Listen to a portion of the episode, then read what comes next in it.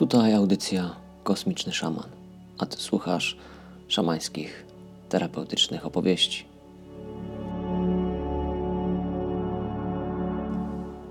Możesz mieszkać w świętym miejscu, a w tym samym czasie przeżywać największe życiowe dramaty. Dzisiejsza podróż jest inna niż wszystkie, o których wcześniej tutaj opowiadałem. Jednocześnie jest i nie jest doświadczeniem kosmicznego szamana.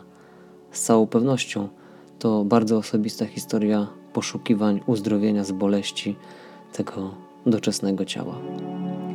Udają się na kryształową wyspę. Wręczam prezent zebranym na niej szamanom, którzy chyba zawsze siedzą w tym samym miejscu, zgromadzeni w kręgu dookoła ogniska. Mówię im o swoim problemie, o bólu, który towarzyszy mi od kilku miesięcy, a którego żaden fizjoterapeuta nie jest w stanie zdiagnozować. Raz jest mniejszy, innym razem nasila się, nie pozwala normalnie funkcjonować. Na moją prośbę o pomoc w zlokalizowaniu źródła pierwotnej przyczyny problemu podnosi się młody, biały szaman. Oddalamy się w ustronne miejsce, a on przykłada mi dłonie w bolesny rejon. Od razu czuję przepływ energii, zarówno w mentalnym, jak i tym fizycznym ciele. Skupiamy się na bolesnym obszarze, otaczamy się razem świetlistą bańką many, zmienia się krajobraz. Naraz obaj lądujemy w małym, północnoindyjskim miasteczku. Wiem, że trafiamy do jednego z moich przeszłych żywotów.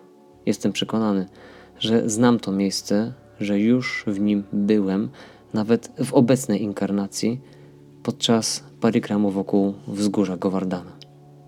Był to wówczas bardzo szczęśliwy, pełen pozytywnych emocji i doświadczeń czas. Jednak teraz jestem w innym rejonie tego miasteczka, a moje położenie do przyjemnych z pewnością nie należy. Wiem, że właśnie tu, w poprzednim wcieleniu, wydarzyło się coś, czego efekt ciągnie się za mną aż do teraz.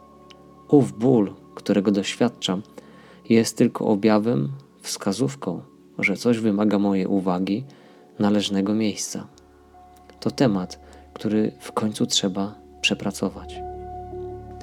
Całe szczęście, nie jestem tutaj sam, bo mam wsparcie szamana z kryształowej wyspy. Nagle pojawia się też jeszcze dwoje moich sprzymierzeńców. Teraz szanse na rozwiązanie problemu wzrastają wykładniczo. W tamtym wcieleniu wiem, że jestem kobietą. Mam na sobie piękne fioletowe sari. Jest słoneczny dzień, a wokół krząta się mnóstwo pielgrzymów. Jestem mieszkanką świętego miejsca, tuż u podnóża wzgórza Gowardana. Generalnie panuje tutaj sielska, satwiczna, pełna uduchowienia atmosfera. Ten idylliczny obraz zaburzają jeźdźcy na koniach, którzy pojawiają się nie wiadomo skąd i nie wiadomo dlaczego. Są bardzo agresywni, uzbrojeni w kolczaste kule, którymi okładają na lewo i prawo przypadkowych przechodniów. Obrywam również i ja.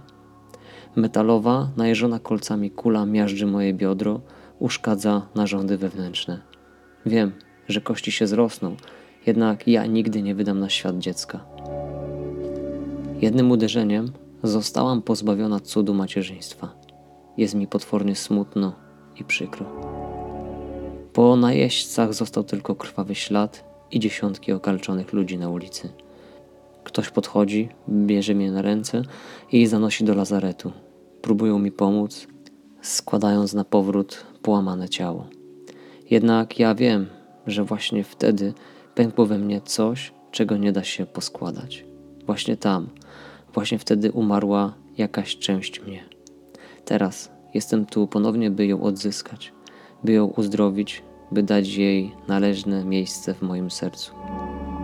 Szaman, który ze mną jest, otwiera przestrzeń i naraz moja przeszła ja widzi mnie obecnego wraz z moimi przyjaciółmi. Zaczynam rozmowę, przedstawiam się i mówię, kim jestem i skąd przybywam. Dziękuję jej, a w gruncie rzeczy samemu sobie, za to, że była tak silna, że mimo wszystko przetrwała to traumatyczne zdarzenie. Opowiadam jej historię z obecnego życia. daje jej perspektywę, że nic nie dzieje się bez przyczyny i że nic nigdy nie jest jednoznacznie stracone. Że nawet w jej sytuacji, w jej wydawałoby się beznadziejnym położeniu, jest szansa i możliwości na realizację jej rodzicielskich pragnień.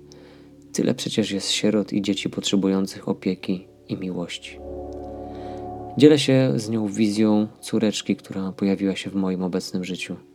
Mówię do niej wprost, że warto było przez to wszystko przejść, by teraz móc doświadczać błogosławieństwa rodzicielskiej miłości w takim wymiarze. Ten obraz przywraca uśmiech na jej twarzy.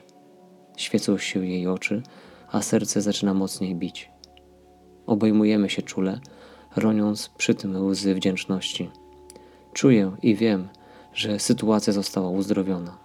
Teraz tylko kwestia czasu, aż moje obecne ciało na uwolnioną blokadę odpowiednio zareaguje. To doprawdy zadziwiające, ile w sobie nosimy. Z jednej strony na poziomie relacji rodowych, traum i zdarzeń, wprost z poziomu epigenetyki, ale również informacji i przekazów z poziomu naszych poprzednich inkarnacji.